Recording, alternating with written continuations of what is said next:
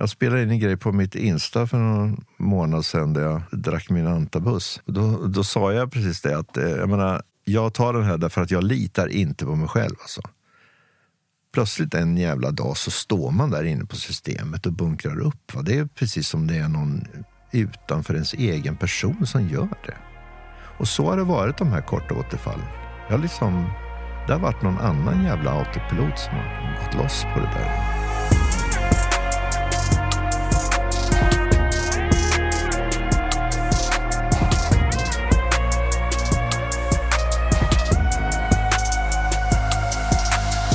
Ja, det är onsdag igen och jag sitter på min, eh, ja, om det inte är min favoritplats på jorden just nu. Det är mysigt att vara här. Vi är i studion på Östermalm och podden heter Hedman och Hedén, en beroendepodd. Och du heter Nemo Hedén. Det gör jag och eh, vid min sida har jag som vanligt Magnus Hedman. Ja, här är jag. Ja, vi har haft ett litet break. Ja, det har vi haft.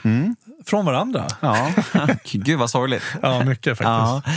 Eh, du har varit då ute i världen och flängt. Jag har varit ute i världen och flängt. Du är Yes. brunbränd och snygg. Tack. tack. Ja. Ja. nej, men, eh, jag behövde det. Jag behövde komma iväg och få litet break. Och jag hade svårt att ta, ta semester. Mm. Vilket bara visar på eh, hur fel saker och ting liksom, är kalibrerade i när man bara ska jobba, jobba, jobba, jobba. jobba liksom. Mm. Så jag behövde mitt break. Du var utomlands i drygt två veckor. Ja, Eh, hur skötte du din beroendesjukdom när du var iväg från möten och allt sånt där? Mycket läsa. Mm. Jag jobbar ju mycket med mitt medberoende just nu så att jag jobbar ju hårt i de stegen vilket håller mig väldigt eh, påkopplad. Och sen handlar det mycket om eh, när man är iväg att välja sina tillfällen var man, var man befinner sig. När du går hem, eh, hur länge du är kvar på, på krogar och vart, vilka krogar går du på och sådana där saker. Mm. Eh, men sen, sen jobbar jag mycket med medita- meditationen. är, är viktig för mig. Liksom. Mm. Den är jätteviktig. Det är den du aldrig tummar på liksom? Nej, och när jag gör det så känner jag av det Mm. väldigt snabbt. Så att, eh, den, den, håll, den hjälper mig att hålla mig påkopplad och, och eh, nu när jag jobbar så hårt i medberoende så händer det väldigt mycket känslomässigt. Min första vecka när jag var där nere så var jag helt ensam. Mm. Och den var, den var tung alltså. Eh, känslomässigt. Jäklar vad jag gick igenom saker från eh, allt ifrån min barndom till tidigare förhållanden och, och så vidare. och så vidare. Så jag slog lite på mig själv i början faktiskt. Men jag pratade mycket med min sponsor, så det är också en grej. Hur jobbar jag med tillfrisknandet? Jag ser till att inte vara ensam. Även om jag fysiskt är där själv så ringer jag. Du och jag pratade. Jag pratar med min sponsor. Jag pratar med andra människor som, som jag själv eh, hjälper, då, mina sponsorer och sådär. Så att, eh, nej, fantastiska två veckor och eh, väldigt mycket kraft och energi sitter jag med här just nu. Du är laddad inför eh, en ny inspelningsperiod. Ja, verkligen. Härligt. Verkligen. Ja. Du då? Jo, men det är ju faktiskt så att jag tog ju tid häromdagen. Va? Ja, det gjorde du. Mm, jag tog sex år för tre dagar sedan. Mm. Sex års nykterhet och Se- drogfrihet.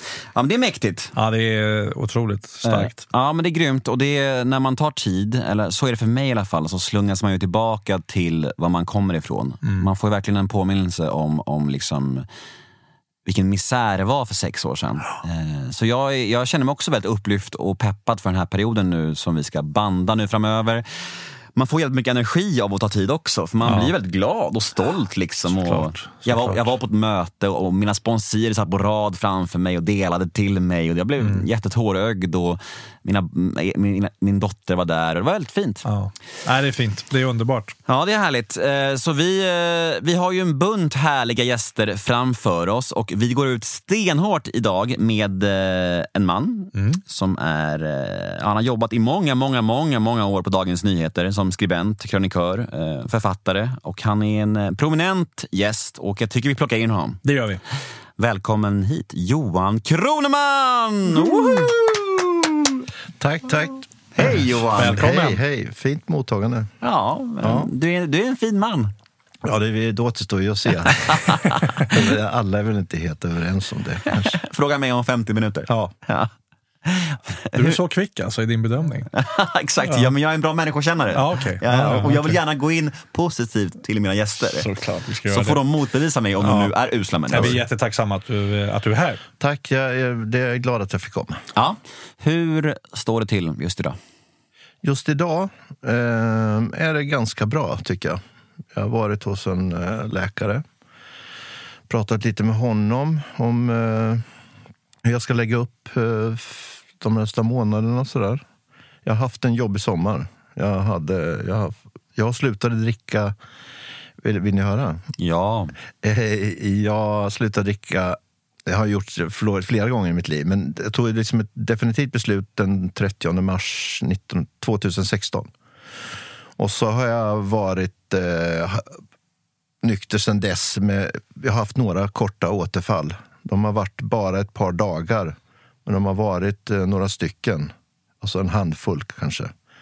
Och eh, de har varit, varit överjävliga, kan man säga. Eh, och jag hade ett sånt i somras. Och, eh, det var det. Jag, jag provade att prata med honom om det. Vad det är som händer i en och sådär. Och eh, jag menar, jag vill ju aldrig dit igen. Men eh, ja, man är ju fylld av skam och skuld och, och så. Men eh, nu direkt, det är bara, det är bara res, alltså, det är bara, bara är det inte, men det är att resa sig upp och ta sig vidare och bygga på, på nytt. Mm. jag tror att du är inne på någonting där som är viktigt. Det här med att man är så fylld av skam och skuld när man tar återfall. Eh, men jag tror det är viktigt för alla som tar återfall att inte dröja kvar i det där där man slår på sig själv. Ja, men det, är- för det är ju en, en, nästan som en uppmaning. Och Ja. då, då, då är ja, det, är ingen, jag är, det är ingen idé. Nej. Så då blir jag kvar där. Så det, det, men det har jag lyckats. Jag har, haft, eh, jag har några väldigt goda vänner som har slutat. Eh, Kamrater, kollegor. Och vi har inte umgåtts så jättelänge, men med ett par år. Och eh, de är ett otroligt stöd för mig. Alltså jag kan ringa dem när som helst. Och, eh, ja. Så det, man, man får liksom omge sig med ett antal personer som man har där som inte fördömer en så hårt. Och nu har du mig och Magnus också. Ja, nej, men det, det, det känner jag direkt så fort ni börjar prata att, eh, att eh, jag vet eh, att ni vet vad ni pratar om. Så att, det- det, är väl, det är väldigt komplicerat och komplext. Och vi, vi, alltså, vi, vi, vi är ganska lika men också väldigt olika i, i vårt missbruk. ju. Eh, Och vi har kommit hit, vi har tagit olika vägar hit och sen har vi många, många gemensamma erfarenheter också.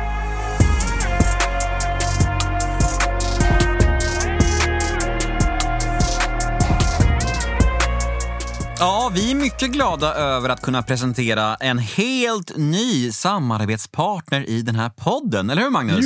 Juhu! Jajamensan. Fantastiskt Ja, det ju. är underbart. Och vad pratar vi om för samarbetspartner då? Vi pratar om IOGT NTO. Jajamän. Det är du. Och IOGT NTO är för alla som väljer en nykter livsstil oavsett anledning. Alltså det, det, det är fint med dem. Alltså det, att leva ett liv fri från alkohol och andra droger det kan ju kännas ensamt eh, om man inte har fler i sin närhet som, som har valt ett sånt liksom, nyktert liv. Och där är IOGT NTO fantastiska med tanke på antalet medlemmar de har. Och det är ju som en egen gemenskap. För vi brukar prata om gemenskapen här, men då refererar vi ofta till tolvstegsmöten. Ja. Här finns det en annan slags gemenskap som man kan finna genom att bli medlem i IOGT NTO Ja. och eh, deras nykterhetsorganisation. Ja. Och det handlar ju också om att vara medlem kan ju dels vara för att få stöd. Det är många som behöver det, det vet vi. Eh, Men du har ju också de människorna som ger stöd till folk som, eh, som behöver det. Och sen att stödja en nykter röst i samhället. Men kan inte du berätta om din relation till just IOGT NTO? Jo, jag eh, kom i kontakt med dem för, det är säkert tre år sedan nu ungefär. Och började prata med dem och eh, bli medlem. Och de frågade om jag kunde föreläsa. Eh, så att jag stack iväg och gjorde en föreläsning för dem. För jag tycker det de gör är så fint och det är så behjärtansvärt. Det, det, det hjälper så otroligt många människor. Och då, det, var, så det var min första kontakt med dem. Och Sen har jag föreläst ett par gånger eh, för IOGT NTO och träffat många av de människorna som jobbar i organisationen. Vilket är eh, fantastiska människor, genuina. De är där för att de har ett stort hjärta och ett brinnande intresse för nykterhet. Du då? Jag föreläste för dem för, eh, det här kanske var fyra eller fem år sedan och jag minns det så väl. Det var utanför Östersund i en liten, liten håla som heter Krokom. Okej. Ja, Fan, då- hur kan du komma ihåg sånt? Ja, ja, det är otroligt. Ja, det är det. Men jag kommer kanske ihåg det just för att jag tyckte om dem så mycket.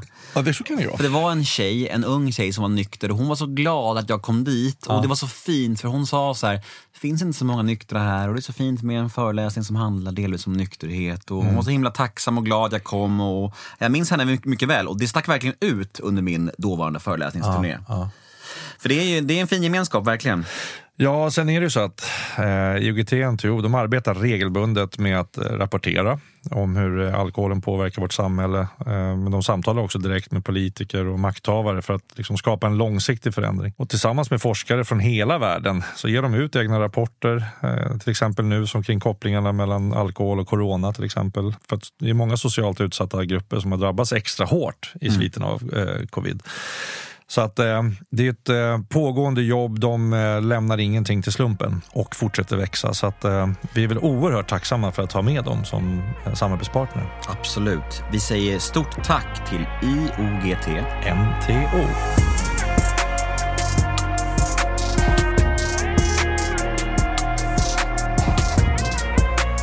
Vill du ta oss tillbaka lite till, eh, behöver inte gå igenom allting med barndom och sånt där, men jag bara tänker om du vill berätta lite hur det, hur det var där du växte upp och, och Ja, men jag så. växte väl upp i en medelklassmiljö i Norrköping. Eh, jag ska inte gå in på några detaljer, men jag hade, hade en relativt bra uppväxt. Men eh, man började väl dricka ganska tidigt. Eh, jag var väl kanske bara 14. Man rökte lite och sådär. Det var inte något tufft. Pappa drack lite. Pappa drack, men inte, han var ingen missbrukare och mamma var det inte heller. Eh, men jag visste ju att när jag kom upp i gymnasiet och, och framförallt när jag slutade gymnasiet och började dricka, då visste jag på något sätt att jag, jag tyckte liksom om att vara brusad. Och eh, eh, sen har jag, sen har jag kan man säga, sen har jag druckit mycket. Från man kan säga 20 upp, alltså någon gång på 80-talet när jag är 25, 30, då... då eh, alltså jag, jag, jag vet att jag dricker för mycket då. Alltså jag har aldrig sagt att jag har koll på mitt eh, missbruk och så. Utan jag vet att jag har druckit för mycket. Och varit lite orolig för det, men jag sökte liksom aldrig hjälp.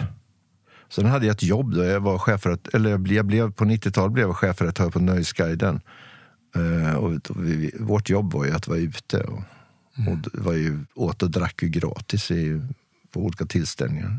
Ja, och journalistyrket back in the days var Ja. väl extremt... Ja, men när jag, när, jag, när jag började i slutet på 70-talet, och när jag kom upp på redaktionerna, alltså på, på kvällen, alla redigerare kom med fyra, fem bärs som de la i en låda. Och det var ganska... Alltså om man, om, om man var om man var bakfull och sådär och inte kunde jobba. Och, alltså, folk frågade vad gör, vad gör Larsson idag? Liksom, Nej, men han är bakis. Ja, ja, skit i det.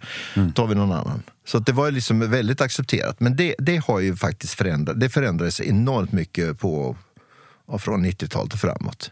Så den kulturen är ju faktiskt väck, men det tog ju lång tid. Och jag kom nu i den där skarven så att eh, jag, jag, dr- jag har druckit mycket hela mitt liv. Och sen eh, var det en del droger på 80-talet i Göteborg när jag bodde där.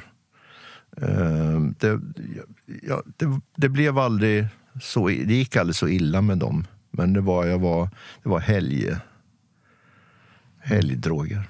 När du säger att du har druckit för mycket, Ja. eh, på vilket sätt har det tagit sig? Är det att du har druckit för mycket när du väl har druckit eller är det tillfällen? Har du suttit själv och druckit? Och Ja, sådär? det bör, det, jag, jag drack nog själv redan ja, när jag var 25. Alltså jag tyckte inte... Folk sa alltid det, jag, man får inte dricka ensam. Och tänkte, ja, fan, det är ju jätteskönt att dricka själv. Ja. Eh, och, och Man kan prata med sig själv och man får bara smarta svar och så. Mm. Så det, jag har, det har jag aldrig varit eh, så där rädd för. Men, men sen när, när, när det går överstyr, många, många år senare, då dricker man ju på ett helt annat sätt. Alltså när jag drack hemma, då, då, ville jag ju, då drack man hemma bara för att man ville vara i fred. Mm. Alltså jag gick ju, till slut gick jag ju inte ut. Liksom. Nej. Jag ville inte visa mig på krogen. Och, utan man gömde ju det där. Och jag, jag var ganska bra på att leva dubbelliv också. Jag hade Folke varannan vecka eller var 14 dag. Och då höll jag, höll jag med. Och sen eh, jag kunde jag kunde dricka ibland på kvällarna eller, eller nätterna. Men eh, att, eh, man, man håller på så där gidrar många, många år tills en dag det, det tar stopp. Mm. Vad tror du det är som gjorde att du gillade berusningen så mycket? Då? vet inte, jag var, jag, det har jag försökt skriva om i min bok. Det där, var, varför, varför, man, varför man söker sig till det där mörka och svarta. Jag gjorde det tidigt. Ja, men så här, man läste Rimbaud, där liksom, man måste alltid vara berusad. Alltså, det var, jag vet inte, det var ju en pås. Ja. Men, men, men sen blev den där... eh, Jag var ju alkoholromantiker tidigt. Hemingway och Harry Spar. Och, och läste författare som eh, poeter som stod och flugfiskade och drack och var olyckligt förälskade. Och, alltså jag, det var liksom, den passade bara mig, den där. Jag blev... Jag, jag, det, Ja. det var som hand i handske. Så, och det, och det kan jag ju se nu. Ganska länge var jag eh, alkoholromantiker. Och jag kan ju ibland, jag kan ju ibland titta på en film och de kommer in där i amerikanska filmer. De, går, de tar inte ens av sig kläderna. De går fram till kylskåpet direkt och tar fram en öl. Och, uh, du vet, de dricker whisky. Och massa, det är liksom, eller man läser böcker. Så det, gud vad det blev osammanhängande. Nej, men det är okej. Nej då, absolut Ja. inte. Du får Det är prata- vår uppgift att hålla ihop. Ja, bra. Sen, sen får du sväva iväg hur mycket Ja. du vill. Nej, men jag Det- tänkte, jag, jag, jag, jag, jag, svaret är väl att jag, jag har ju tittat tillbaka på mitt liv. Åh, Man kan ju se en del spår, men det är inte så lätt heller. att Det är inte så lätt att veta. Ja, för det är ju ett av skälen till att vi ofta vill, vill prata lite om barndom och uppväxt och sådär. För någon, någon, vi formas ju väldigt tidigt Ja. också i hur vi hanterar vårt känsloliv och situationer och så vidare. Men det där tycker jag ändå är en av de svåraste frågorna som finns. För jag, jag gjorde själv en intervju häromdagen eh, i en podd där jag fick frågan när, blev, eh, när gick du in i ditt beroende? När, när blev du liksom missbrukare? Och det är ju skitsvårt att svara på. Alltså en specifik liksom, per, period där liksom, Just det, tillfälle. Ja. Ja, men exakt. Bara så här, ja, men det var liksom 2012 på hösten där. Det var en dag där, liksom, där, där det spårade ur. Men det är inte, ja, alltså det är inte så lätt att kröka sig till ett missbruk som folk tror. Alltså det, det, krävs en del. Det krävs en del. Det är lite individuellt, men, men för många tror jag det man håller på i många år innan man egentligen upptäcker att ja, men jag, jag känner redan klockan 12 eller 1 att jag behöver liksom ett järn.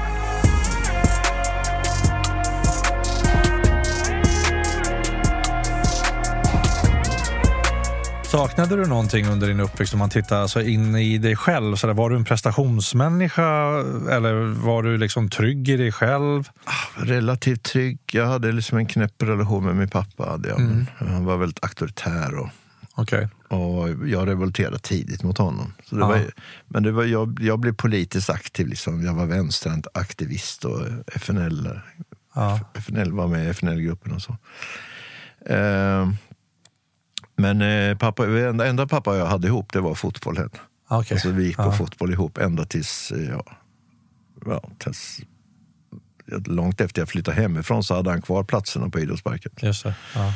Så att, eh, nej men det var inte så, alltså jag hade ingen komplicerad barndom eh, på det sättet, men jag var ju... Eh, Men hur fick kampen mot din pappa dig att känna då?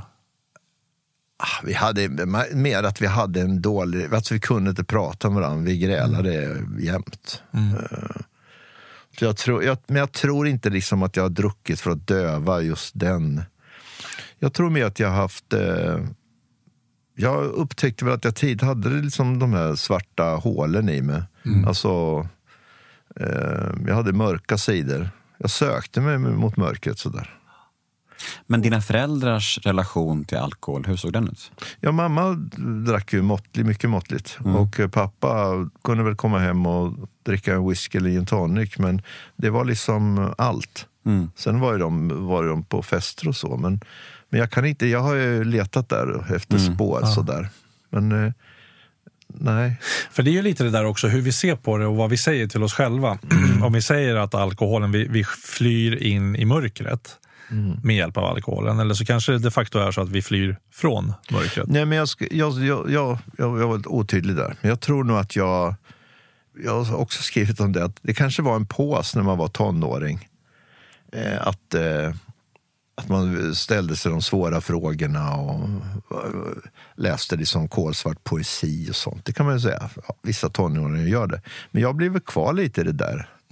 Och eh, drickandet har ju alltid varit en... eh, Att, att, för mig har det alltid varit att gå in i ett annat rum. Mm. Och, att, eh, och i det rummet kan man delvis vara i fred. Och jag, hade ju också, jag utvecklade med åren också ett spelmissbruk. Eh, så det var ett annat rum. Så, och där, är jag, där vill jag definitivt inte bli störd av någon. Nej. Men kan du identifiera dig med att alla de här beroendena, att det faktiskt inte kanske är just substansen som är grejen, men att det snarare är någonting som du liksom själsligt eh, flyr ifrån? Alltså, Ja, men det, det är ju... Så är det ju. Alltså det finns ju... Det bottnar ju i någonting. Eh, men jag har inte... Jag, jag har ju grävt mycket i det, men jag har nog inte kommit så långt som jag hade hoppats. Men till exempel nu när jag haft de där återfallen, då kan det ju vara väldigt... Eh, alltså det ser ut som det var väldigt man råkar ut för någonting. Det händer saker i ens liv. Och eh, då faller man in i det där att ja, men alkoholen är ju alltid ett sätt att bedöva sig på. Och jag har bedövat, så kan man säga, jag har bedövat min ångest. Jag har varit en, den, den perfekta självmedicineraren. Så jag har ju liksom inte vaknat upp morgonen och hällt i mig en flaska vodka och krällt omkring hemma, utan jag har ju liksom petat i mig lite långsamt. Va? Jag, de tio sista åren jag drack, jag vet inte om jag, jag var inte ens bakis. Liksom. Utan jag, drack aldrig så riktigt my, mycket, men jag var, liksom, jag var lite småbrusad hela tiden. Det här är ju det vi pratar om också Ja. mycket. Just det att självmedicinering, man bedövar. Men också åt andra hållet, när, när saker och ting har gått bra och man vill fira någonting så vill man ju gärna förstärka den Ja, känslan ja. då också. Exakt. Med sin bästis, eh, och i det här fallet alkoholen. Då. Men det kände jag, det har jag, jag kände tidigt att alkohol var min bästis. Mm. Vi var polare från 19-20 år. Eh, och, och jag var glad drack jag och när jag var ledsen drack jag och till slut så dricker man ju. Man hittar ju massa. Men sen nu när jag haft de här korta återfallen då har det ju varit vissa, sa- vissa gånger har det utlösts av ja, praktiska... Min, min, min syster gick bort i somras och det var, och det var, det var en trigger. Och sen, sen när jag var hos min doktor idag så, så sa jag det, jag vet ju inte, jag, jag vet ju inte hur mycket jag skyllde. Alltså, hur mycket skyller jag på det? Alltså, jag, jag, man litar ju inte på sig själv. Eh, jag spelade in en grej på mitt Insta för någon månad sedan där jag, jag drack min antabus. Och då, då sa jag precis det att eh, jag menar, jag tar den här därför att jag litar inte på mig själv. Alltså. Plötsligt en jävla dag så står man där inne på systemet och bunkrar upp. Va? Det är precis som det är någon utanför ens egen person som gör det. Och så har det varit de här korta återfallen. Jag liksom, det har varit någon annan jävla autopilot som har gått loss på det där. Många beskriver ju beroendesjukdomen exakt sådär. Att det är Mm. två personer och att, att när beroendepersonligheten får grepp om en liksom, så är man totalt handfallen inför det. Att Men man, man vill ju inte, mm, fast samtidigt vill man ju inte, man vill ju inte skylla ifrån sig. Nej, det är lite dubbelt det där. Och För det blir en hårfin gräns till Ja. att man liksom frånsäger sig ansvaret. Och det gör man Ja. inte heller. Liksom. Men, men man måste ändå försöka förklara för folk som inte har kunskapen eller har upplevt det själv. Och det är lite svårt att förklara det utan att låta som att man skyller ifrån sig. Mm. Ja. så är det. Det är en komplex fråga. Ja, för många, för många människor som lever med missbrukare, så, så när de ställer frågan men varför drack du igen? Du sa ju att du inte skulle göra det. Så blir det ofta svaret, jag vet inte. Nej, men och det är ju... då- När jag har haft de här korta nu senast så är det ju som så att de människorna som, de vet, som behandlar en som behandlar det här missbruket som en sjukdom de, de blir ju besvikna och de säger också då liksom, men vad fan, skärp dig. Alltså, då, då är det plötsligt liksom bara upp till mig. Alltså, skärp dig, kamma dig, liksom, kom igen och du har väl något, eh, var inte en sån jävla idiot. Och, och det där det hör ju ihop ju. Mm. Alltså, eh, man kan ju också förstå dem. Det är det. jag, jag, jag förstår dem hundra procent. Mm. Och, eh, men i vissa lägen är man ju... Man kan bli lite irriterad på, också på dem att de säger, jaha, är jag sjuk eller är jag... Vad är det för fel? Alltså ena dagen är jag sjuk, nästa dag är jag en jävla fucking idiot.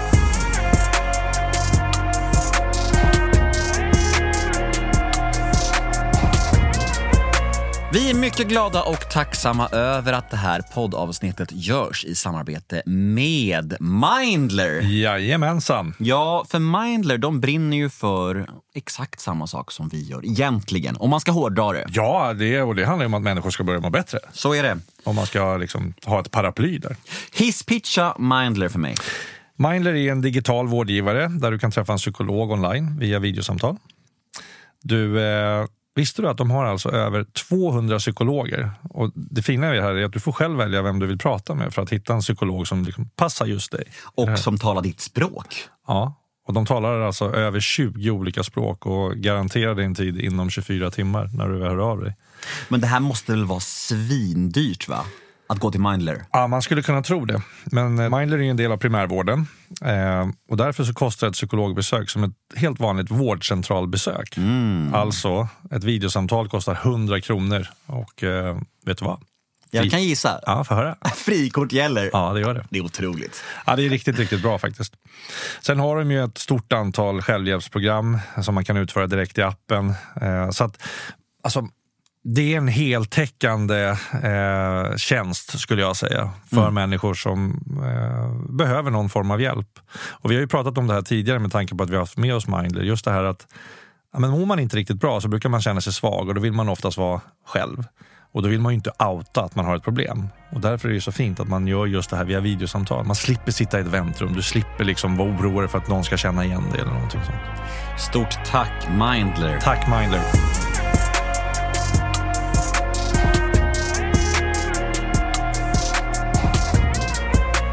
Jag tycker det vore intressant att bara veta precis innan du bestämde dig för att sluta.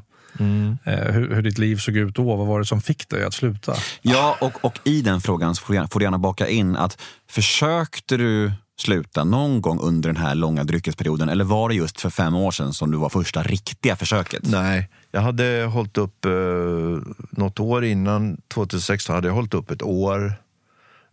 Lägg märke till att jag säger hållit upp. För det, det var alltid så, man håller upp. Man höll ju upp en vecka ibland, man höll upp en månad, man tyckte man var duktig.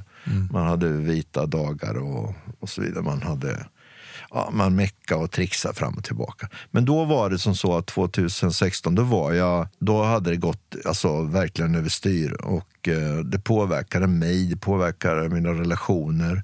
Och det, det, det, det började kännas i jobbet också, liksom att jag inte riktigt... Eh, eh, som tur var har jag aldrig kunnat skriva Brusen, men, men, men eh, jag kände ändå att det påverkar hela mitt liv. Och eh,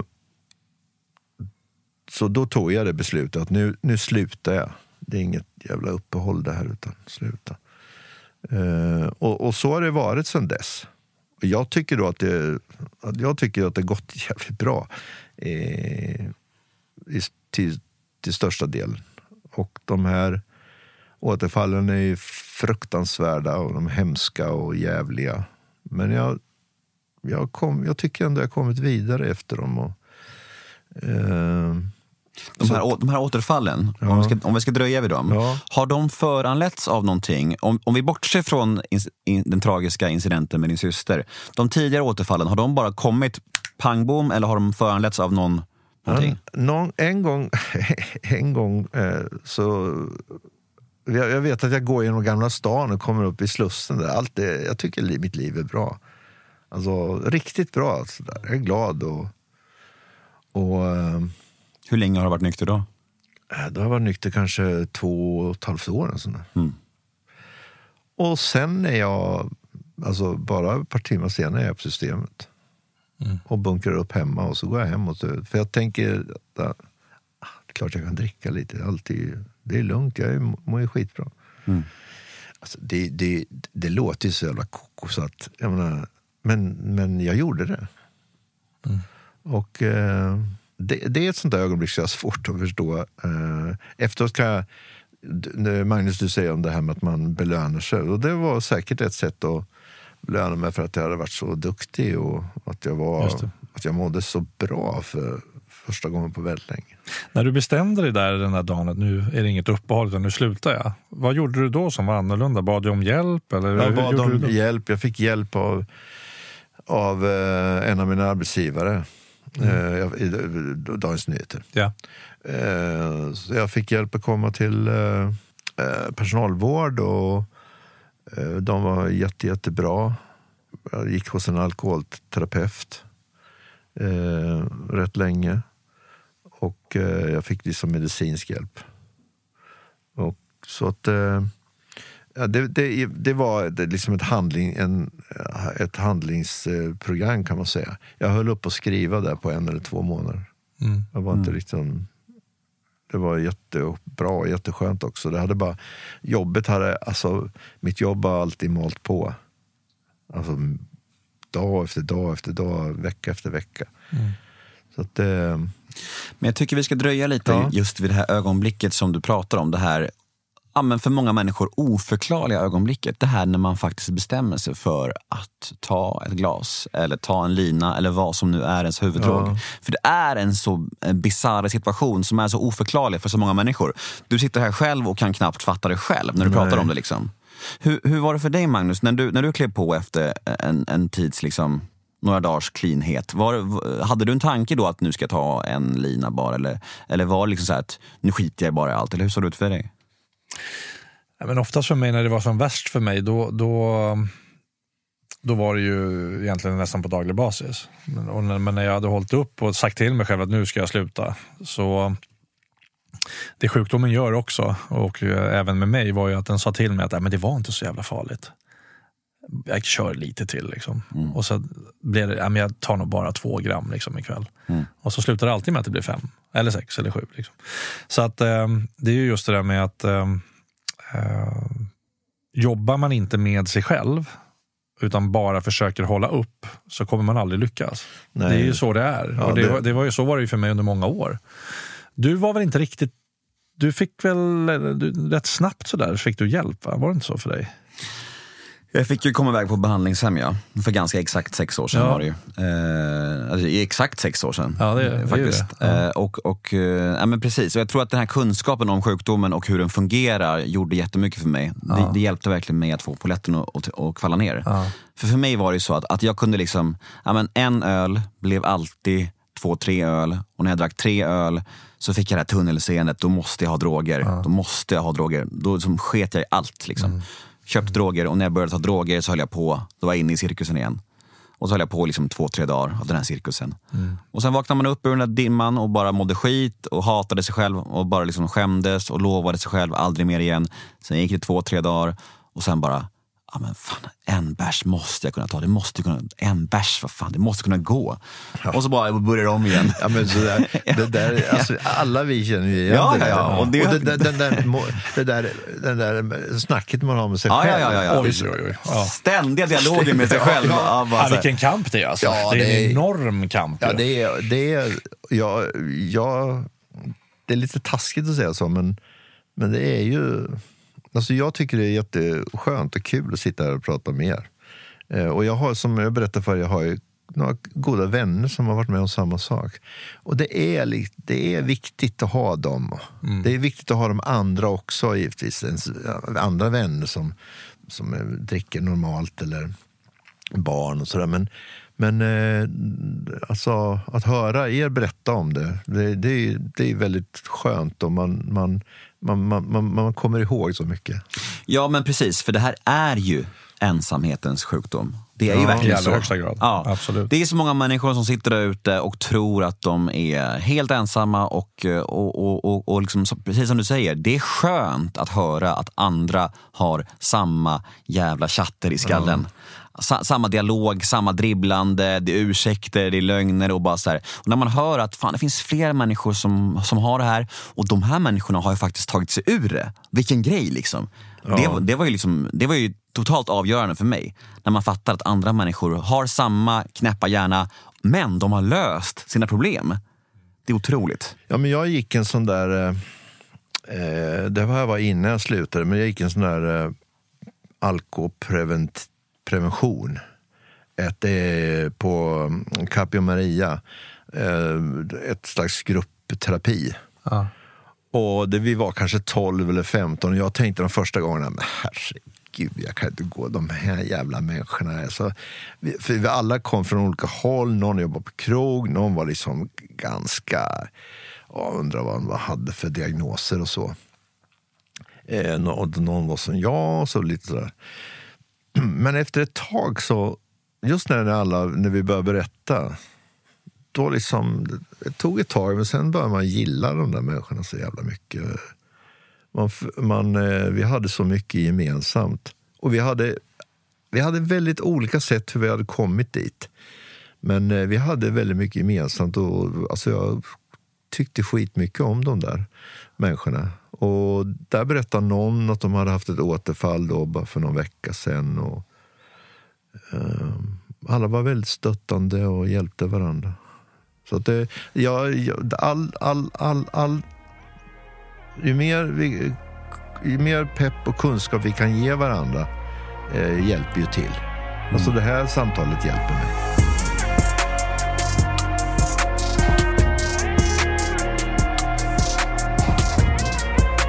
Ja, det vore ju inte ett nytt avsnitt av den här podden om vi inte hade med oss The House Rehab ännu en gång. Ännu en gång och det betyder väl egentligen att de alltid är med oss. De har varit med och vi är varje, alltid med dem. Ja, men varje vecka sedan poddens start. Ja. Otroligt. Ja, det är det. Och det tyder ju, det, det, jag tycker det visar tydligt på hur hur de verkligen går in för folks tillfrisknande.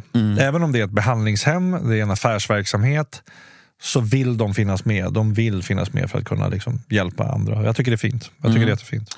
Och det tyder ju också på att eh, den här podden har genererat i att flera klienter har sökt sig till dem, eller hur? Ja, det får vi hoppas. Ja. Absolut. Och det är ju jättebra, för det är ju det, är ju det som både de och vi vill. Ja, ja, ja. Fler, ja, ju fler som får hjälp, desto bättre. Ja, men såklart. exakt, verkligen. Jag tänker så här, eh, vi har ju, som sagt, som du säger, vi har ju haft dem med i varenda avsnitt så det kanske blir lite tjatigt för dem som lyssnar på alla våra eh, avsnitt. Men jag tänker så här, sommaren, om den har blivit lite värre än vad man trodde. Eh, lite mer dricka, fan det blev lite droger ändå, det blev, jag kunde inte sluta. Så är det ju hög tid att, liksom höra av sig till dem. tycker jag. Verkligen. Och man kan höra av sig till dem, eller hur? Mm. Sandra at thehousestockholm.se. Och dit kan man mejla om man har frågor kring beroende, medberoende eller bara är nyfiken på The House behandlingar, prislista eller vad som helst. Ja, och det är som jag sa, gör det nu. Det finns ingen anledning att vänta. Nej. För att väntar man så blir bara problemet större och större och då kanske man bestämmer sig för att man inte vill ha den där hjälpen sen också. Så att, eh, Exakt. Sen tycker jag att vi ska hjälpa dem att eh, nå ut med sitt budskap ännu mer eh, i sina kanaler, sociala medier. Följ dem på The House GRP. På Instagram. Jajamän. Och eh, återigen, ett jättestort tack till The House. Tack The House.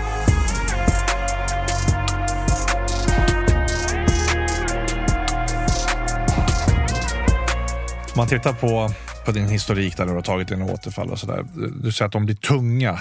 Alltså att de blir, Att de blir- ordentliga återfall. Liksom.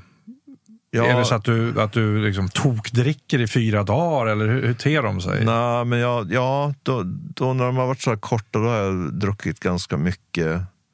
Eh, men inte, jag har inte liksom haft någon känsla av att jag varit tokberusad under den tiden. Nej, Men jag är liksom konstant bedövad. just det. Eh, och det är det viktigaste då, att, att, att inte någon gång uh, trilla ur det där. För man vet ju vad som väntar på andra sidan av skam och skuld och Mm. ångest. Då. Det leder mig lite in på nästa fråga och det, det är lite vad, vad du gör nu för att kunna hitta liksom skydd mot potentiella återfall framöver. Vad kan du göra annorlunda som du eh, inte har gjort hittills? Ja, det kan jag göra. Eh, nu har jag varit hos eh, min, min, en psykiatriker idag Mm. som jag har gått hos, som har hjälpt mig med lite medicinskt och så. Mm. Eh, jag har bestämt mig för att jag ska gå och ta eh, antabus eh, på ett, varje ett ställe, alltså på typ på Capio Okej. en eller två gånger i veckan. Så att jag går iväg dit. Jag menar, det är det den, lä den läkare sa, läkaren sa till mig idag, att men det, det är ingen garanti, men det är, ett lite bättre, det är lite stöd, lite skydd än att, än att göra det hemma. Eh, jag ska gå i samtalsterapi igen. Eh, jag behöver prata med... Jag behöver, jag behöver förstå mer om vad, det, vad är det som händer i de här eh, vad är det som händer med mig när jag plötsligt eh, tar ett sånt där återfall? Mm. För jag vill, man, vill- alltså jag, man, man vill ju aldrig dit, som jag har sagt tre gånger nu. Men jag, Får jag berätta om när jag gick på antabus? Mm. Mm. Det var eh, sju år sedan, alltså ungefär ett år innan jag blev clean. Och då hade jag eh, varit på Capio Maria, Maria och börjat, eh, börjat, gå- börjat gå på det. Eh, men jag satte mig på en bar på Sveavägen själv efter det. Och, eh, och så tog jag en alkoholfri öl. Och bara, ah, det händer ingenting. Ja, det här händer, jag blir heller inte brusad, så det är också meningslöst. Så, bara, så tog jag en lätt öl, hände ingenting. Jag bara, okej, ja, kanske jag kan dricka ändå. Så, här. så, tog jag en, tog jag, så tog jag en mellis och drack några klunkar. Och bara, det händer ingenting. Fan, det här är vad fan, vad är det? det är ju bra. ju. Fan, det här går ju bra. Jag kan, ju dricka vidare.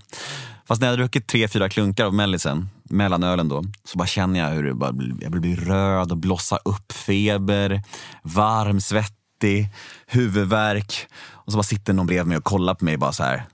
Hur mår du? Jag bara, "Uff, jag mår inte så bra alltså. Nej. Ja, herregud. Så vet du vad jag gjorde? Vet du För vad jag tre, gjorde? fyra klunkar alltså? Ja, vet du vad jag gjorde då? Nej. Jag köpte min favoritdrog, Mm. började knarka. Ja. Ja. Så att jag, jag, och det, det här ser jag inte för att förkasta antabus som en lösning. Jag berättar bara min erfarenhet Ja, av ja, det. visst, visst. Och att liksom, att det, det, det är klart att det är bra att ha som ett slags skydd, självklart. Eh, Men det leder mig också osökt in på nästa fråga som jag ändå måste ställa eftersom att eh, vi, både jag och Magnus, är ju du gissar vad jag kommer fråga nu? Nej, jag är 100% säker på vad du ska fråga. Vi är ju båda tolvstegare. Ja. Ja. vi går på mycket möten och, och lever i programmet och så här. Men samtidigt så är vi också så här förstående för människor som inte kanske väljer den lösningen. Alltså, vi är ganska ödmjuka inför att folk väljer olika vägar. Liksom. Men det har funkat för oss. Då, vill man, då är man ändå nyfiken på hur din syn är på möten och sånt. Och Har du varit i den världen och varför inte i sådana fall? Du får gärna utveckla. Ja, eh, det kan jag göra. Jag gick på två möten. Eh, men jag, jag klarar inte av den här... Eh, eh, jag, läste ju den här tolvsteg lilla boken. Stora boken. Ja, stora boken kanske Ja, den, den blå lilla... Ja, den jag ja, läst. Mm. Och jag, jag klarar inte av den där eh, religiösa biten det. Alltså det, det, det sitter så djupt i mig. Och jag var på två möten och när de avslutade möten med... Eh, och jag gick med han som var överläkare på eh, Capio Maria då, på den tiden. Eh, jag följde med till hans grupp och så. Men jag, jag klarar inte av det. Alltså det, det, det, är- jag, jag, jag önskar att jag kunde göra det, att jag kunde bortse från det. För att jag tror att det är ett jättebra sätt för de flesta, eller många. Och jag skulle aldrig säga till någon att Nej, det där är bara hokus pokus, jag skulle inte, det där ska du inte gå på. Utan går ni dit och säger att det är jättebra för er och att det hjälper er, jättebra. Då, jag, jag, jag är positiv till det. Så det Men var jag- ordet Gud du hade problem med? Ja, det är Gud jag har problem med. Eh, och det, och det kan ju, det kan ju... Ni kan ju tycka kanske att det är någon slags ursäkt, men det är det inte. Jag är djupt liksom... Jag skulle säga att du inte är annorlunda 99,9 procent av oss som går in i de där rummen Nej. från början. För det jag gjorde när jag kom in, det var att jag tittade på de här 12 stegen och alla steg som hade ordet Gud i sig, Ja. de tänkte jag för mig själv att de där behöver inte jag göra. Nej. Eh, sen vill jag ju bara, bara säga att det är ju inget religiöst program, utan det är ett Ja. andligt program. Ett and- ja, Eh, men, och det är ju, ordet Gud, det är ju hur, så som man uppfattar den. Och det, egentligen så är det huvudsyftet med, med det hela är ju att vi ska börja tro på någonting som är större än oss själva. Ja. För att självcentrering och själviskhet är oftast roten till våra Ja. problem. Men ja, det där är, eh, det där är ett jättevanligt eh, dilemma för många som, som går in på ett möte eller två och tycker att nej, det är för mycket Gud. Det här, jag, nej, jag, jag klarar inte det här. Och det, jag var precis som du. Men jag tror nog, jag har nu min erfarenhet är nog att de flesta ändå lyckas bortse från det. Som, som du gör, eller, som, eh, eller, så, eller, eller så Ja, hittar det är ju de... villigheten. Eller Exakt. så hittar de andligheten i det och inte just Exakt. Gud. Ja. Jag tror att det handlar om desperationen och villigheten som Magnus är inne på. Alltså till en början när man går in på ett möte så är det ju självklart, eller, eller inte självklart, men de flesta i det här landet, eftersom att vi lever i ett land som inte har någon särskild tro egentligen, då blir det ju så att om man ser man Gud som är ett laddat ord, så ryggar man tillbaka. Det är läskigt, det är okänt, det här är inget för mig. Men sen så kanske man blir så pass slagen i sitt missbruk. Man kanske håller på att supa och knarka ihjäl sig. Man kanske har gått ner sig så mycket att man faktiskt inte har något val kvar. Och då står det mellan att supa, knarka ihjäl sig eller att faktiskt känna så här, okej, det är ett jobbigt ord, Gud är jobbigt, men människorna här, här inne har faktiskt lyckats med någonting som inte jag har lyckats med. Och då väljer man att faktiskt tro på det. Eh, Men det valet är ändå svårt för och folk alla- ändå. Ja, och sen är det ju många som har, som har lyckats som inte kallar sin högerkraft för Gud. heller, Exakt, exakt. Faktiskt. Utan det är att de tror på att det finns någonting där ute som är starkare än mig, som är större än mig. Ehm, Och jag valde att lägga min kraft, alltså så här, jag valde att lägga min tro till programmet. Just till människorna i rummen. För att det jag kände när jag gick på mina första möten, det var att det fanns en kraft i de här rummen. Alltså 40-50 människor som har tagit sig ur den här jävla smärtan och hopplösheten som ett missbruk är. Sitter tillsammans och är glada, hjälper varandra. Den kraften blev liksom min högre makt. så jag valde att lägga min tro till det.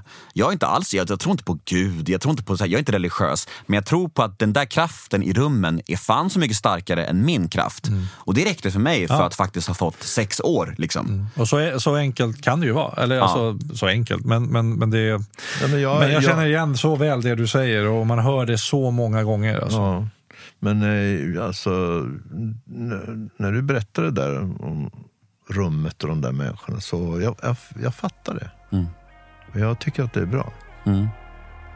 Men, eh, Jag, vill bara Jag att, du- tänk- jag vill bara att du ska må bra Johan. Ja, Det det. Nej, men jag ja, tänker men jag på... mår bra av att höra det du Ja, vad säger. härligt, Ja. vad, vad fint.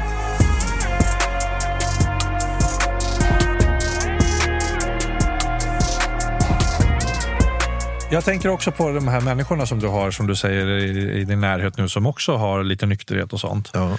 Ehm, för det är ju, när vi pratar om just skammen och ensamheten och sådana här saker. Och, och, och det är ju så att vi, mm, vi planerar ett återfall. Medvetet eller omedvetet så planeras det ju någonstans. Där liksom.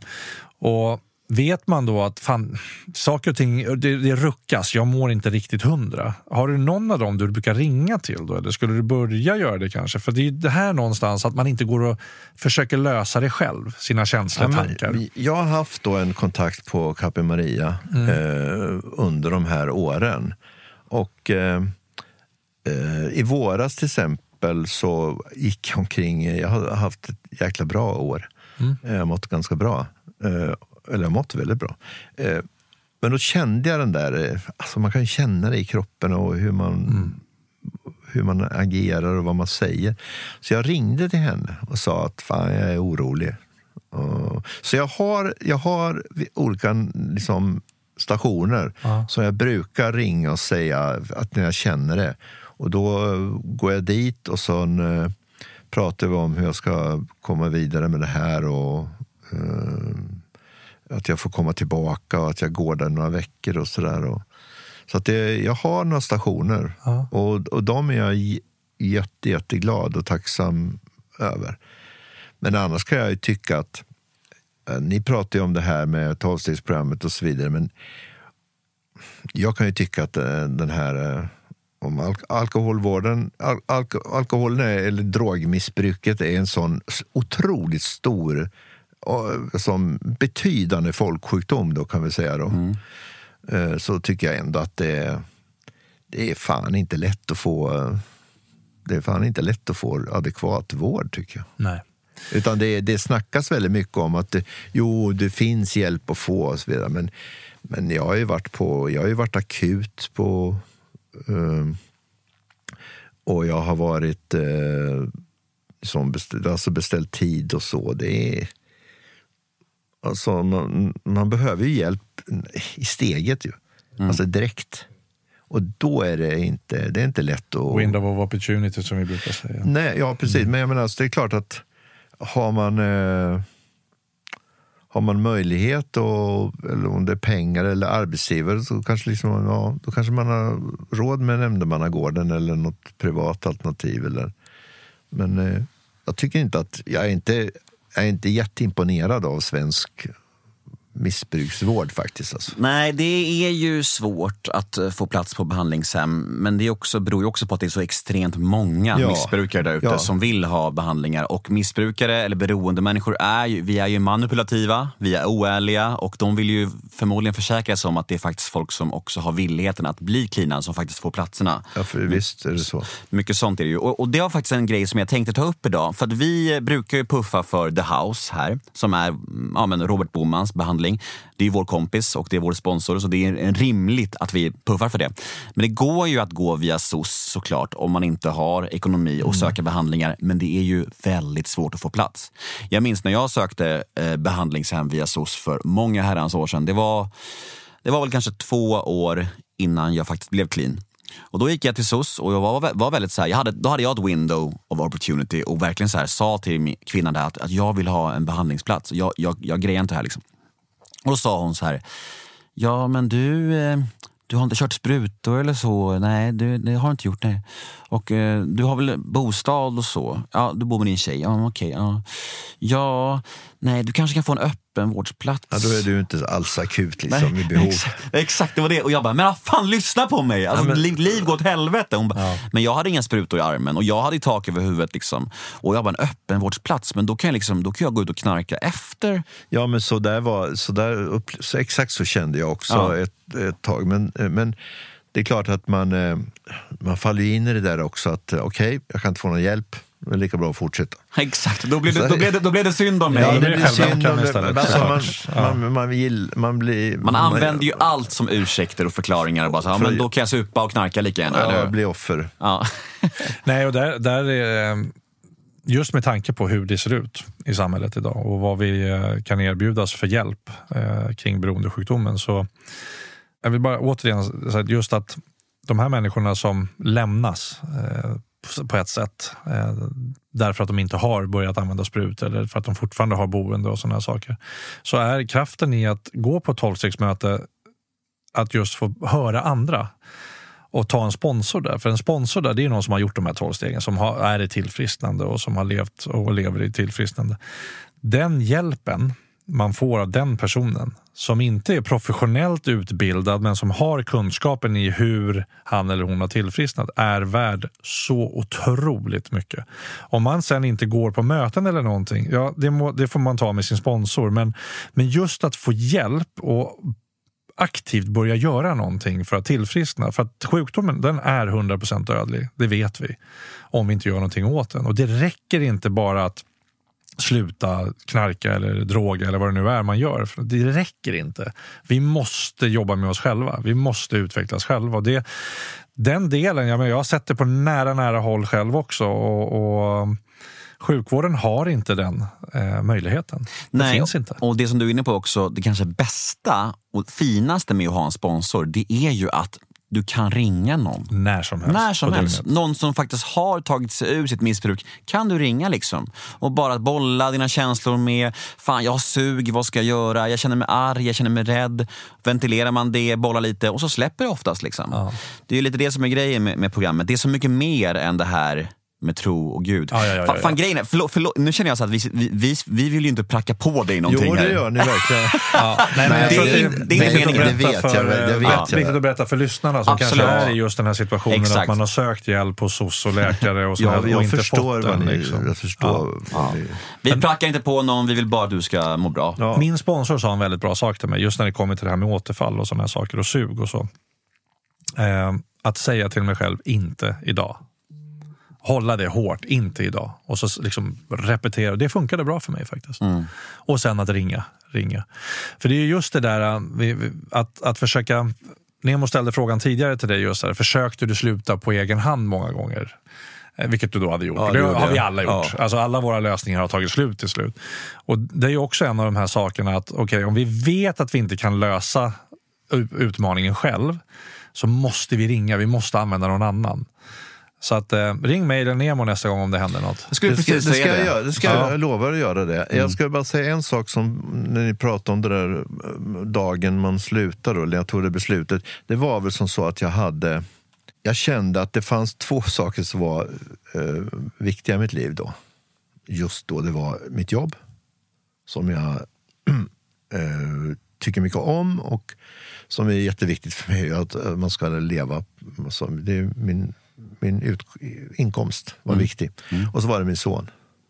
Folke. Folke. Och, och, och, och när, jag, när jag kände liksom att nu har jag satt dem på spel också. Då, det var någonting som fick mig att vakna. Att det verkligen var jävligt allvarligt nu alltså. Hur har din relation med Folke sett ut, alltså från ett beroendeperspektiv? Vad, hur, hur har det gått? Liksom? Ah, Det, det, det vet man ju inte. Det, det, det får de egentligen borde fråga för honom om. Men eh, Har han varit orolig för dig? väldigt orolig. Eh, och det är han ju fortfarande. Och jag har ju berättat för honom om de återfall jag haft och det gör ju honom sjukt orolig. Men eh, han har också varit, eh, han är ju, håller på att bli en ung man ju. Att, eh, Hur gammal är han? Han är 17, fyller 18. Mm. Eh, Och så har jag en bonusson som är 25. Som också...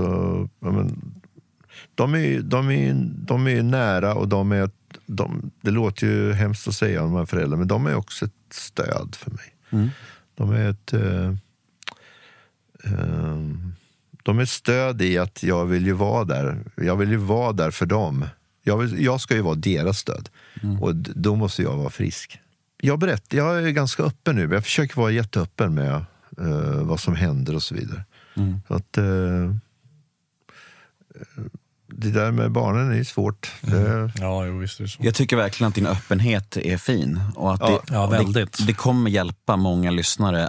Eftersom att det här samtalet skiljer sig ganska mycket från våra vanliga avsnitt. Jaha, jag, Många poddar vi spelar in så är det människor som har, har gjort en resa där de har varit nyktra i några år och tillfrisknat och så här. Men här har vi någon som faktiskt kämpar ganska mycket. ja, det gör jag. Jag tycker att nu, nu är, känns det som jag kämpar ju varje dag. Mm. Och tittar ni tillbaka på erat så eh, det, det är inte, man kanske inte går och tänker på det varje dag. Att, Oj, idag har jag kämpat extra. Men, men det är ju en kamp hela tiden, det vet vi ju. På vilket sätt tycker du att du kämpar då varje dag? Nej, är det men nu- mot sug eller rädsla? Eller vad, vad är det? Ja, att jag, att jag som du säger inte idag. Mm. Eh, Allt ifrån det till, till att eh, Eh, inte försätta mig i situationen. Jag tyckte det var spännande när du sa att du har varit utomlands. Det, är också, det gäller lite också här hemma. Vart går jag? Eh, vilka träffar jag? Eh, vilket liksom, ska jag gå på middag? Ska jag verkligen gå på vernissage? Allt. Ni vet ju att var man än går idag, i mitt jobb och allt sånt. Alla releaser överallt, allting är ju alkohol. Ibland när man har gått liksom från min son eh, uppe på Mosebacke torg så har jag gått genom stan en fredagkväll. Jag menar, vad gör alla människor? De sitter ute på uteserveringar och de dricker. Och jag kan inte det. Alltså det, det skapar också en, jag tycker inte synd om mig ett jävla dugg, men det skapar ju också ett slags utanförskap. Alltså jag känner så här, jag vill inte gå på den jävla vernissagen och stå och dricka vitt vin och så, så blir de jävla dumma i huvudet efter ett par glas och så orkar jag inte höra på dem. Fast- Så där liksom maler jag på. Alltså, jag tror att jag talar för både mig och Magnus nu. Eh, att livet erbjuder många utmaningar hela tiden. Nu vet du också vad jag ska säga. Ni kan se det på dig. Eh, men just att eh, jag kämpar inte just med alkohol och drogbiten längre. Och det är en gåva som jag har fått när jag började jobba med mig själv i, i 12-stegsprogrammet. Faktiskt. Jag kämpade mot sug och undvek, undvek barer och allt sånt där och eh, vissa, vissa människor och allt sånt där. Första kanske ja, tre månaderna, kanske halvåret. Men sen så när jag tillfrisknade så slutade jag kämpa. Liksom. Eh, och, och, och, livet bjuder på mycket utmaningar, men just alkohol och drogsug är inte en av dem. Och det är ju, det är ju en otrolig gåva. Mm. Eller vad säger du Magnus? Jo, nej, men så är det. Eh, och det kan låta så långt bort som en utopi för många människor eh, att det är så. Mm. Men, men jag, men tänker så här, ja. jag, jag, tänker så här bara att eh, utifrån din story och hur du har, vad du har berättat nu eh, så, så, så känns, och det kan jag också prata för Nemo, så, så alltså, det, jag fattar att det är en kamp men det, det ska inte vara en kamp. Och, och, Det enda sättet vi kan bli av med den där kampen, och nu handlar det inte bara om att jag pratar om något tolvstegsprogram eller någonting, men det är att vi behöver på något sätt ändra någonting i oss. Vi kanske behöver göra oss fria från vissa saker. Saker som vi går och bär på, ilskor, rädslor eller vad det kan vara. för Vi behöver liksom befria oss själva från vissa saker. Vi behöver ta steg, vi kanske behöver gottgöra någon. Vi kanske behöver hitta ett annat sätt att leva vårt liv just på det sättet. Och så. För att om vi fortsätter leva på exakt samma sätt och bara tror att vi kan hålla oss undan, då kommer kampen. För vi gör ingenting mer än att inom situationstecken bara hålla oss ifrån de sinnesförändrande substanserna. Ja, men det, det, var inte riktigt så jag menar att jag med, med, med, med, med liksom min kamp. För de här, de här fem åren så har ju varit långa perioder där jag inte överhuvudtaget jag menar, funderar inte Nej. över. Det har inte slagit mig ens att jag mm och jag har gått på de där eh, grejerna. Men jag, jag känner ju att i vissa, ibland kommer jag in i zonen. Ah. Eh, och då, är jag, då, då måste jag kämpa mot det där. Mm. Men det är inte som så att jag går varje dag 24 timmar. Och, och, och, utan jag har ju kommit en bit på vägen då. Mm. Nej, men jag, jag, jag, jag, lyssnar på vad ni säger. Och vi, och vi lyssnar på vad du säger med mm. Eh, stor behållning. Ja, ja, ja, verkligen. Ska vi verkligen. kanske eh, kontakta Mr Boman? The House svarar. Ja, då sitter vi här eh, ännu en vecka med vår kära vän Robert Boman från The House. Mm. Välkommen hit Robert! Tack så mycket! Hur står det till den här onsdagen? Jag mår fint tack, hur mår ni? Bra! Ja, men ganska bra ändå. Nej, men, men vi mår bra och vi är väldigt taggade på att eh, ställa dig mot väggen ännu en gång. Oj. Ja. Ja, den här frågan är intressant faktiskt, som vi har äh, fått. Så att jag kör. Hej killar! Nu har jag hört er prata ofta om att man aldrig blir frisk från beroendesjukdomen. Det känns jäkligt ledsamt. Förklara vad ni menar med att man aldrig blir frisk. Mm. Jag har inte sagt det, det måste ni ha sagt. eh, vi har nog sagt att man tillfrisknar men att man eh, liksom inte blir av med sjukdomen har vi sagt. Just det, och det vi menar med det, är väl, nu kan jag bara tala för dig och mig Magnus, ja. men det är väl att, att man liksom inte, har man ett beroende så kan man inte en dag bara, nu är jag frisk, nu kan jag dricka normalt. Mm. Det är det vi menar. Just det, och, och, det vi talar om, det vi brukar tala om är ju att man kommer till tillfrisknande. Yeah.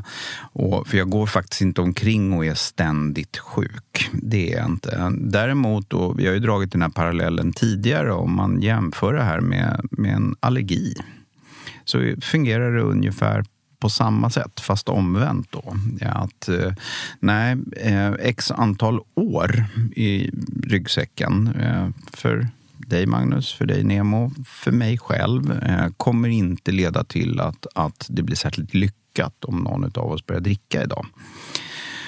Och utifrån den aspekten kan man ju då säga att nej men vi, vi, vi bär på den här allergin. Men vi har tillfrisknat. Mm. Mm. Ja. ja. Det var väl solklart va? Ja, men tycker jag. Mm. Då tackar vi för det Robert. Tack så mycket. Tack Robert Boman för uh, ännu ett klokt svar på mm. en väldigt klok fråga. Ja, faktiskt. Mm. Den var lite små tricky. Men ja. Var, mm, det är härligt att vi har honom med oss. Verkligen. Och nu ska vi knyta ihop ännu en säck. Uh, vi börjar röra oss mot målet av veckans mm. avsnitt. Uh, Johan Kroneman har varit här. Vad tar du med dig, Magnus? Jag tycker det är fint med Johans öppenhet kring det. Och den, den liksom enorma igenkänningen mm. utifrån hans story. Jag, jag, känner nästan igen mig själv i allt du säger, i alla utmaningar och hur man tänker och vad som sker och sådär. Och eh, just det här att försöka göra, göra det på egen hand visar att vi, vi klarar inte det. Eh, det. Det är en av, en av sakerna. Och sen just det här att jag eh, verkligen hoppas att det funkar den här gången. Eh, och att skulle det inte göra det, att du hör av dig till mig och Nemo. Mm. Ge oss en chans då Absolut. och ta med dig i- Absolut. på våran resa. För att, Ja. för att det, det, det blir mycket så här pro eh, 12-stegsprogram och sånt där. Men, men eh, eh, vi sitter ju här och bara vill liksom, eh, Ja. att du ska må bra. Och, och så, så att, för kampen ska eh, vara över. Liksom. Den, ska, den ska försvinna. Så. Men eh, jag vill verkligen tacka dig för din öppenhet, för den har varit jätte, jättefin. Ja, Och det här, det är ju tack lite, själva. lite kontraproduktivt egentligen det här med att eh, när vi ger upp när vi ger upp kriget mot alkoholen och drog, drogerna, det är först då vi kan bli fria. Och det, är, det är svårt att förstå, men, men det, är någonstans man, det är någonting man får, man får lära sig i tillfrisknandet. Ja, nej, men så är det. Så är det. Och, och det visar också att vi, har, vi går alla vår väg och, och all, våra liv är absolut inte identiska, men vår problematik kring beroendet visar sig utifrån beroendesjukdomen hur identisk den är för oss. Alltså, den är så otroligt lik. Och vad jag tycker är också fint, det är att man kan se på dig hur mycket hur bra du mår av att prata med andra nyktra människor. Men det gör jag ju. Alltså, det är ju så himla fint. Ja, det är, en, det är alltid en befrielse. Och, eh, för att eh, även om vi verkligen grundligt försöker förklara för varandra så vet jag ju att, eh, att ni vet ju, ni känner till alla tricks, och alla lögner och alla Mm. som smitvägar och allt sånt. Och, och, och, och hur det känns och skulden och skammen. och så det, är ju, det, det är ju A och O tycker jag också. Om, om ni, om, ni, ni pratar gott om tolvstegsprogrammet och det, det tycker jag ni ska göra. Och kanske det är en väg för mig, jag vet inte. Men eh, det där att, eh, att, vara, att vara flera, att ha nära som, som förstår, eh, som har varit där, det är ju ovärderligt. Ja, det är en oerhörd kraft i Ja, att, att få känna igen sig i andra. Faktiskt. Och innan vi avslutar så då, du får lova oss att nästa gång du känner dig sugen på att korka upp och du inte får tag på någon nykter vän, då ringer du mail Magnus. Lovar jag att göra och det känns jätteskönt. Så vi lovar att vi svarar. Det lovar vi verkligen. Jajamensan. Tack för din Bra. tid Johan. Stort Ja, tack. Jag är glad jag fick komma. Och tack till alla er som har lyssnat och tack Nemo Hedén. Och tack Magnus. Det känns grymt att vara igång med en ny runda. Ja, härligt. Ja, nu ser vi fram emot en härlig höst. Tack, tack. Hej då! Hej då. Hej.